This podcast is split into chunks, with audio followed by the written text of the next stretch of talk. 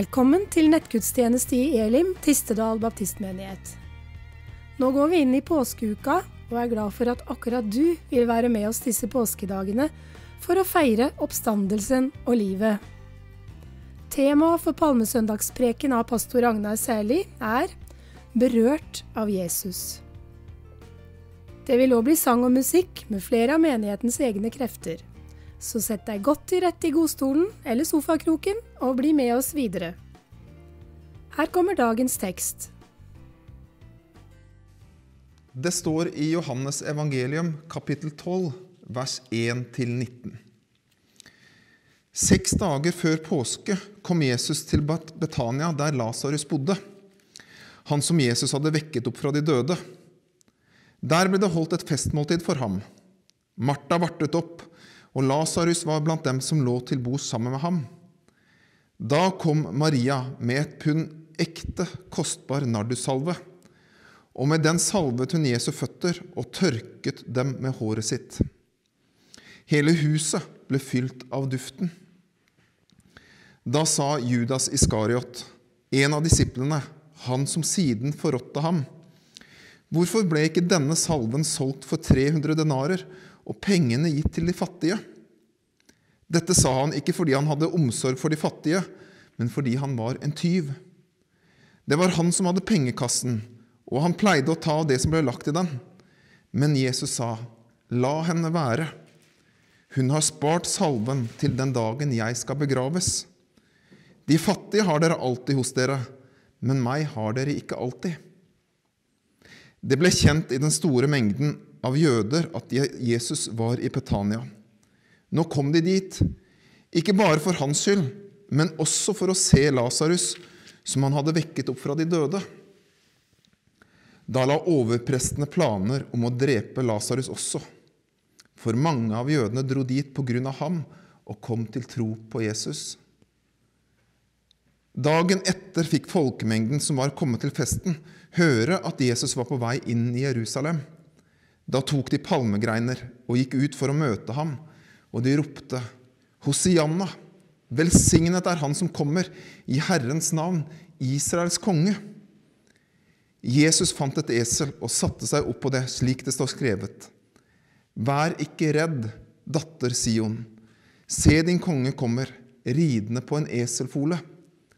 Dette skjønte ikke disiplene med det samme. Men da Jesus var blitt herliggjort, husket de at dette sto skrevet om ham, og at folket hadde hilst ham slik.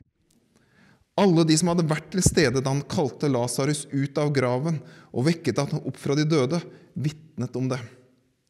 Det var også derfor folk dro ut for å møte ham, fordi de fikk høre at han hadde gjort dette tegnet. Fariseerne sa da til hverandre, der ser dere at ingenting nytter. All verden løper etter ham.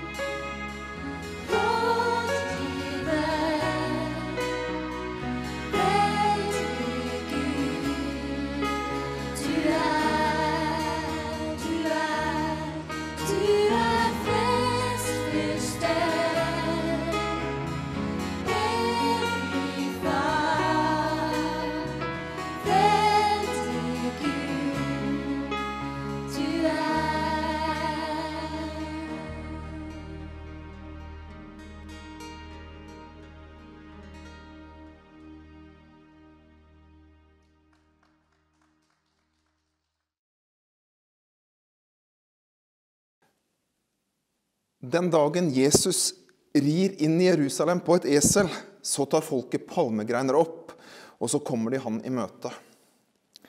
De legger palmegreiner foran ham, og så roper de Hosianna, velsignet er han som kommer. Konger de blei tatt imot på den måten om de hadde seira i krig. Så Jesus han ble hylla som konge. Men i tillegg jødene feira hanukka med palmegreiner. Hanukka feires til minne om makaberopprøret i 164 før Kristus, hvor Judas makabeeren gjenerobra tempelet og rensa det. Og palmegrener det var symboler for makabeerne. En del jøder hadde trodd at, at Judas makabeeren var Messias den gangen, men det var han ikke. Og det var en historie med både seier og nederlag, med håp og om knuste drømmer. Drømmen om å få landet tilbake. Drømmen om Messias. Og så kommer Jesus. Han har trossa makter og myndigheter. Han har gjort syke friske. Til og med døde har han gitt livet tilbake, og ryktene går. Folket de vender seg tilbake til de gamle drømmene, drømmene om han som skal komme. Dette må være Messias. Det er på tide å finne fram palmegrenen igjen. Og Jesus han blir hylla som konge, som Messias. Så rir Jesus inn i Jerusalem foran et opptog av sine egne disipler og etterfølgere. Og folket, de ser ham. Det er nok mange av dem som har sett og hørt ham før. Men det var sikkert mange av de på denne dagen som ser ham for første gang, og som ønsker bare å komme nær ham. For de har før bare hørt rykter om ham. Eller kanskje de bare har sett ham på avstand, og nå vil de komme nær. Så nær som de klarer, bare for å få et lite glimt. Eller for å, for å berøre ham. Ryktene, de må ha gått. Folk hadde jo blitt friske bare ved å berøre kappa til Jesus. Det må ha vært et kaos den dagen, av palmegreiner, av folk som sang og ropte ut i håp, av folk som ønska å komme nær for å se og for å berøre. Men for de som kom helt nær, så må også noe annet ha skjedd. De måtte ha kjent duften duften av Jesus. Fordi dagen i forveien så hadde Jesus vært i huset til Lasarus og søstrene Martha og Maria. Og Jesus hadde ikke lenge før dette her vekt Lasarus opp ifra de døde. Og det var jo en av grunnene til at folkemengden var blitt så stor. Ryktene hadde spredt seg. Til og med en død hadde han reist opp fra de døde. Og dagen i forveien så hadde Maria kommet til Jesus med en krukke med nardussalve. Til vanlig så tok man kanskje en fingerspiss eller to og dyppa ned i krukka og strøk det over halsen eller kappefliken. Og det var nok. Og nardussalven salven, den var svært kostbar. 300 denarer kosta denne krukka, står det i teksten. 300, 300 denarer, eller 300 dagslønninger. Ja, om vi regner det om til vår tid, altså lønn fra 300 dager. Det er omkring lønn for halvannet år med jobb. Men Maria tar ikke en fingerspiss eller to denne dagen. Hun heller hele krukka med salve over Jesus og over føttene hans. Og så bøyer hun seg ned og tørker føttene hans med håret sitt. Selve Maria er et mysterium. Fordi det finnes ulike Mariaer i fortellingene om Jesus. Maria Magdalena, blant annet. Enkelte mener at det er den samme Maria som søsteren til Martha og Lasarus.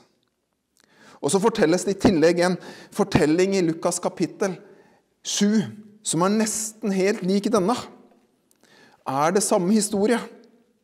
Ja, vi veit jo at evangeliets forfattere ikke alltid valgte en kronologi når de skulle fortelle og gjenfortelle historien om Jesus. For i den fortellingen, i Lukas 7, så skjer det samme. Det kommer en kvinne som har levd et syndefullt liv, står det. Hun kommer inn til Jesus mens han besøker fariseeren Simon. Og hun heller en alabastkrukke med kostbar salve over Jesu føtter, og gråtende tørker hun føttene hans med håret sitt. Uansett samme eller ulik historie. Det er så mye som ligger bak disse fortellingene. Maria, Lasarus sin søster, hadde sett Jesus gi broren tilbake livet. Klart det var mer verdt enn 300 dagslønninger.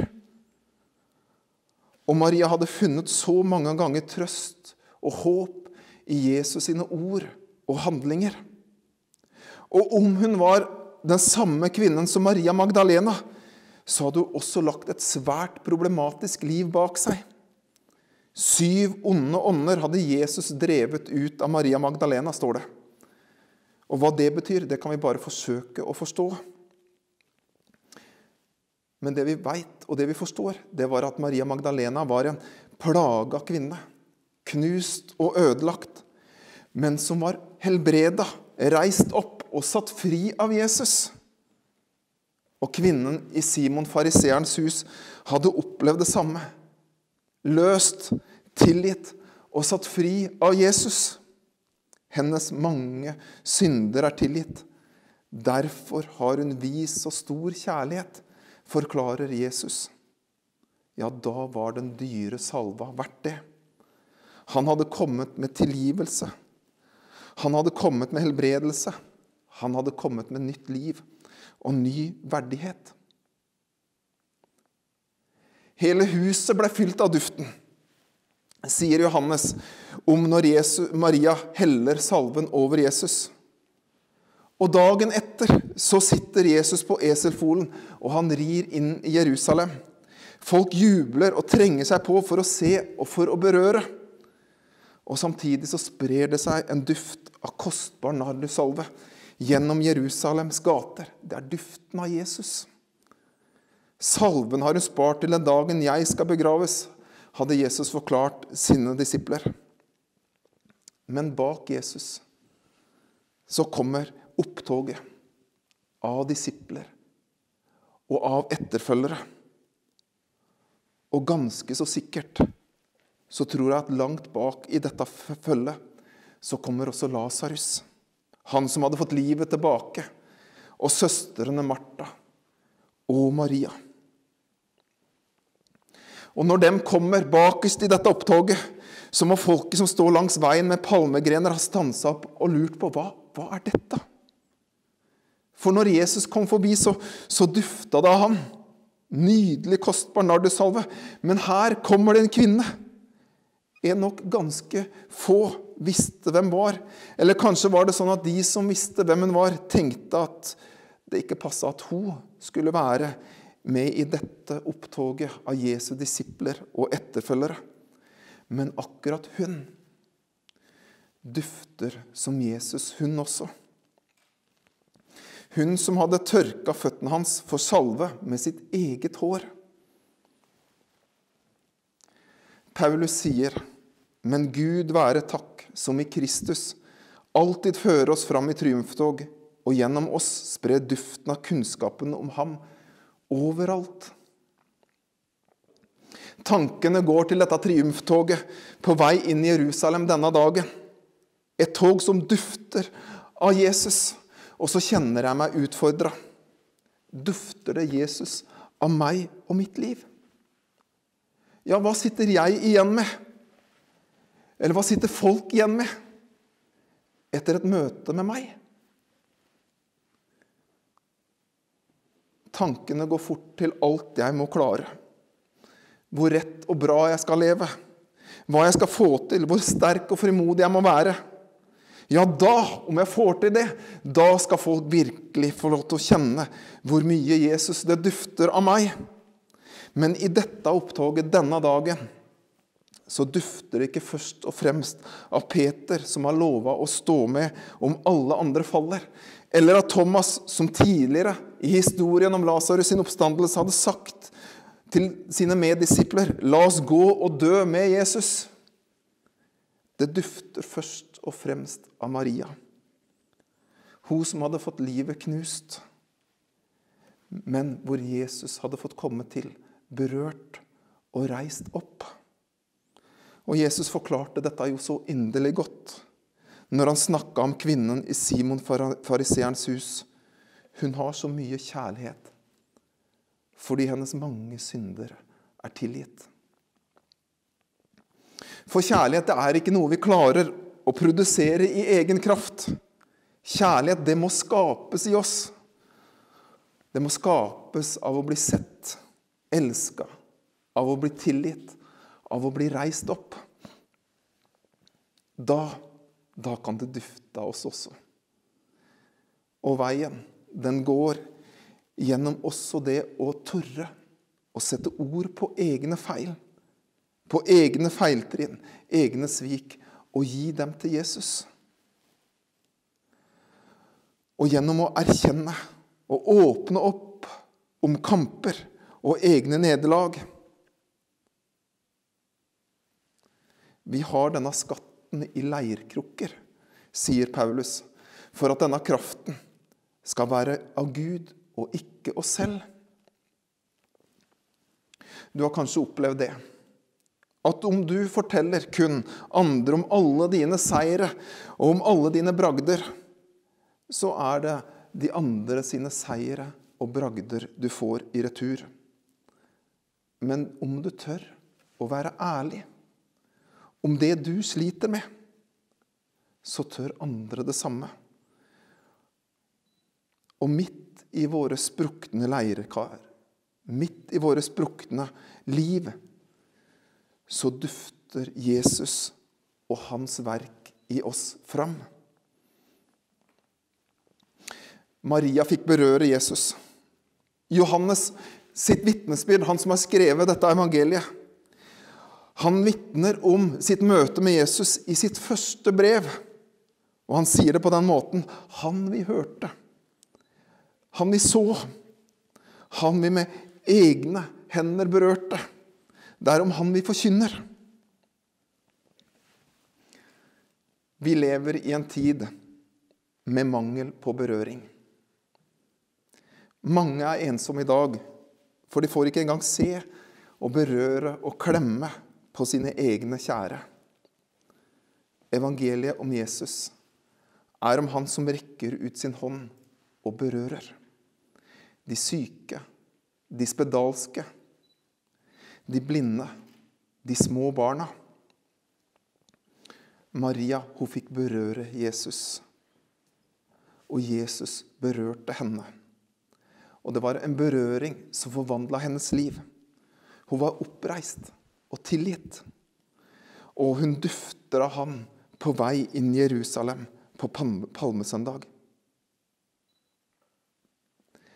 Så til deg som er ensom, til deg som kjemper, til deg som har falt, til deg som har kommet bort ifra Gud, la Jesus strekke ut sin arm og berøre ditt hjerte.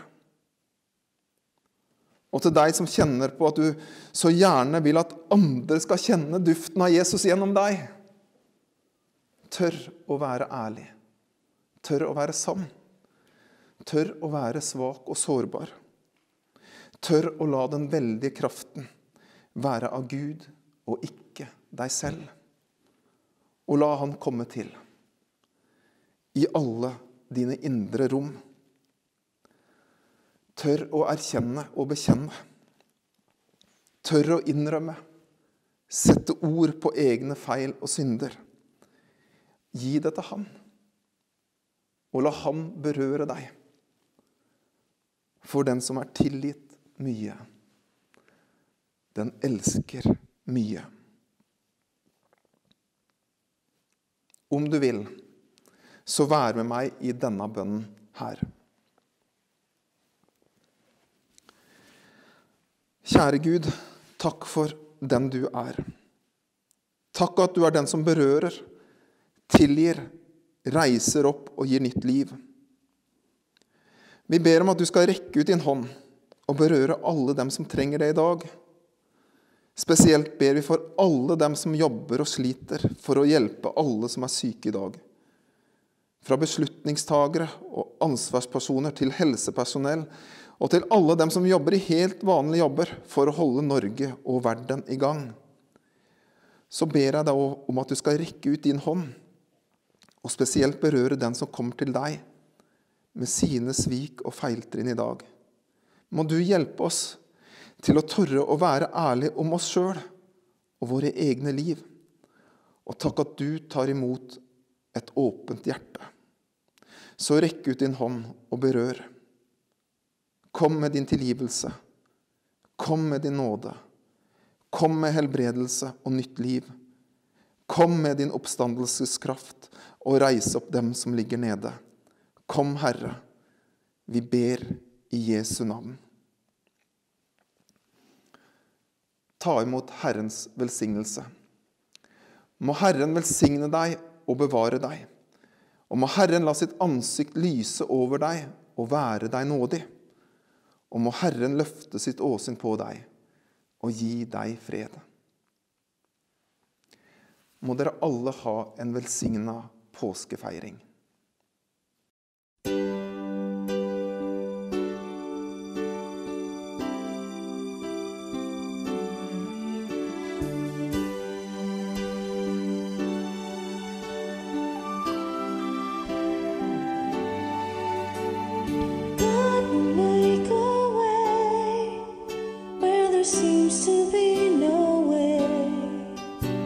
He works in ways.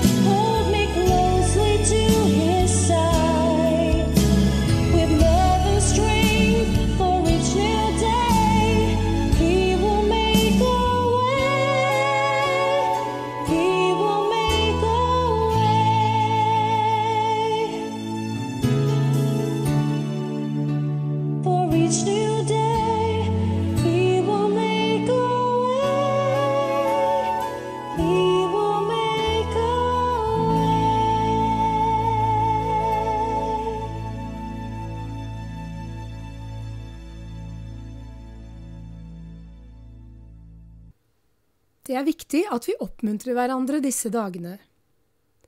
Vi i Elim ønsker ikke at noen skal bli sittende alene med bekymringer eller vonde tanker i denne tida. Derfor har vi startet Kontakt et medlem hver dag-kampanjen. En telefonsamtale, en melding, en prat på FaceTime kan bety så mye. Her kan alle være med og gjøre en innsats for hverandre. Er det noen som ønsker samtale eller forbønn, så sitter pastoren vår klar ved telefonen hver onsdag fra klokka ti til tolv. Og ved behov kan man også ringe utenom disse tidene. Vi håper og ber om at vi snart skal ha full aktivitet i kirka vår igjen. Men enn så lenge kan du være med på gudstjenester her på nettet. Denne gudstjenesten er den første i rekken av flere påskegudstjenester i Elim, og på skjærtorsdag kan du være med oss på nattverdssamling. Følg òg med på nettsiden vår elimtistedal.no for mer informasjon. Til slutt minner vi om at du kan være med og gi en gave til arbeidet i menigheten vårt på VIPS. Da gjenstår det bare å oppfordre hverandre til å be, både for landet vårt og for hver enkelt.